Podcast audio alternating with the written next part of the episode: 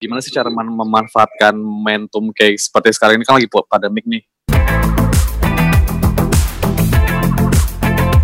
Ada lagi nih mas ya aku mau tanya. Nah, kalau ngomong-ngomong soal investasi emas kan kita sekarang udah dikategorikan lah ya kayak investasi emas fisik dan investasi secara digital. Mm -hmm. kalau keunggulannya sendiri mas kalau di pandangan mas lebih memilih yang mana nih? Emas fisik atau uh, emas uh, secara online ya istilahnya emas digital gitu yeah. yang kita beli secara aplikasi gitu. Iya yeah, kalau sekarang sih anak milenial ya harus yang digital lah.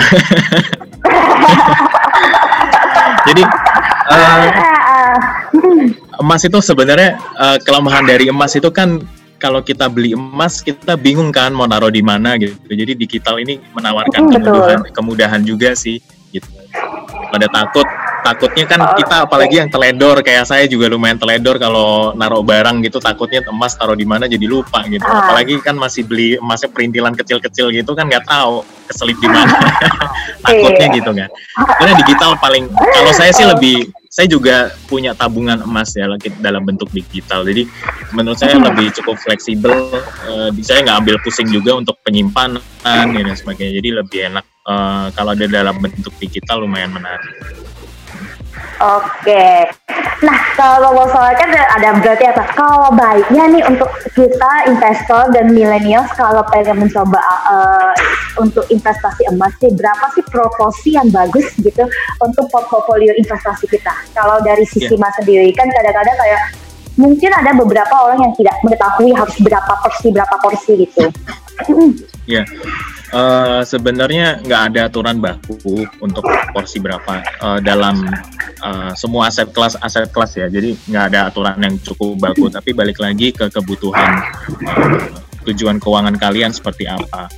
Kemudian juga gimana persepsi kalian terhadap uh, resiko ya naik turun harga gitu. Mungkin teman-teman eh, nggak uh, semuanya kan selalu cocok dalam saham, nggak semua juga ada yang cocok reksadana, mungkin ada yang cocok juga sama obligasi, mungkin nggak cocok juga sama uh, properti ataupun emas ya salah satu pilihan investasi. Jadi untuk sekarang memang kondisi uh, untuk untuk berapa persen artinya balik lagi ke uh, apa ke preferensi teman-teman sendiri sih. Tapi kalau ambil contoh dari saya sendiri, saya porsi emasnya nggak cukup nggak banyak sih, sedikit banget, nggak nyampe lima persen bahkan ya karena kalau saya kan memang uh, lebih emang profesinya kan di market juga, jadi kita, saya kalau saya lebih preferensi uh, untuk invest di uh, pasar modal ya.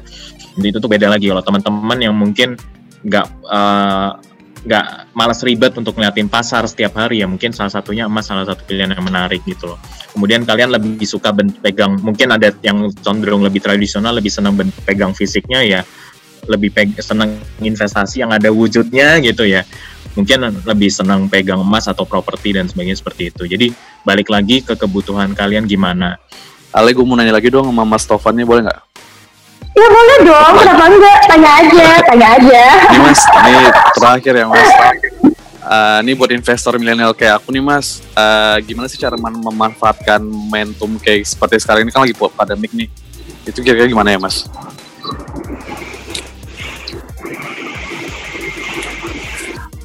Kalau kedengaran nggak suara saya tadi? Oh, ya udah.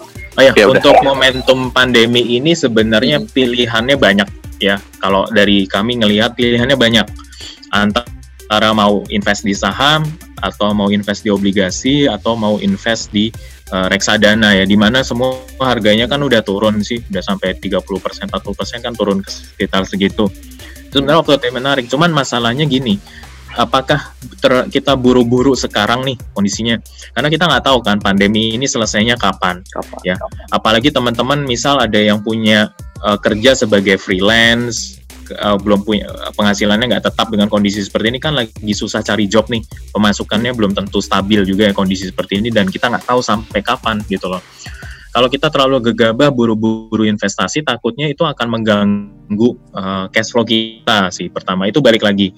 Perhatiin cash flow kalian porsi buat investnya masih aman apa enggak kalau investasinya masih uh, porsi cash flow kalian nggak aman untuk invest kalian buat biaya bulanannya masih susah kemudian untuk biaya kebutuhan pokok juga masih susah menurut saya nggak usah terlalu dipaksakan investasi dulu gitu. Toto nggak perlu takut ketinggalan ya karena misal ketika berita positifnya udah mulai uh, pelan-pelan satu persatu berita positifnya udah muncul, pandemi ini mau segera berakhir, yaitu di situlah kita mulai optimis untuk uh, nambah porsi untuk tabungan kita untuk investasi di reksadana, saham maupun aset keuangan lainnya itu cukup menarik gitu.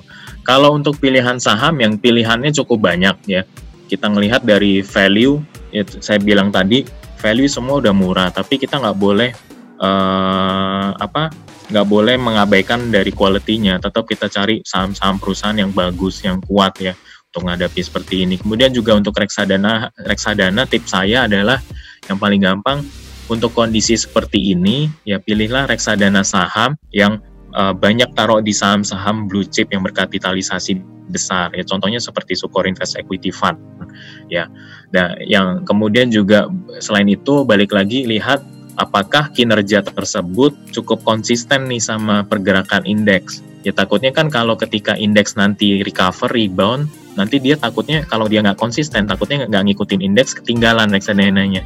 Jangan sampai kan kejadian seperti itu. Jadi balik lagi pilihlah reksadana-reksadana saham yang yang saya bilang tadi yang kapitalisasi besar, pilihan sahamnya, portofolionya, kemudian lihat kinerja historikalnya nih konsisten nggak sama pergerakan indeks.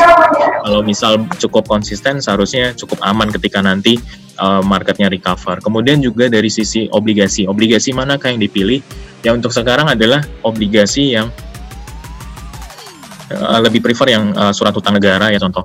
Carilah uh, apa reksadana yang tenornya nggak terlalu panjang banget ya. Ya ikutin seri benchmark aja yang 10 tahun FR 80-an dan sebagainya seperti itu. Atau mungkin kalau kalian punya ori ya masih keep aja dulu, hold dulu dan sebagainya itu masih masih cukup menarik sih. Itu reksadana pasar uang juga salah satu pilihan yang menarik kalau teman-teman yang eh, nggak uh, nabung untuk jangka 2 tahun tiga tahun ya. Nah, ini dengan bawa ya balik lagi kita ngomong jangka waktu. Ya untuk saham, reksadana saham, obligasi maupun saham uh, kalian saham satuan ya kok siap-siap sih untuk hold lebih dari 1 sampai 2 tahun nih untuk kondisi seperti ini karena pandemi ini belum tentu berat uh, berada langsung dalam tahun ini ya kita lihat sih seperti itu. Hmm. Awal pemula ya paling aman ada paling paling mudah ya paling fleksibel juga dan murah itu adalah reksadana ya reksadana pasar uang sih. Kalau saya lebih rekomendasi untuk pemula, coba dulu di reksadana pasar uang.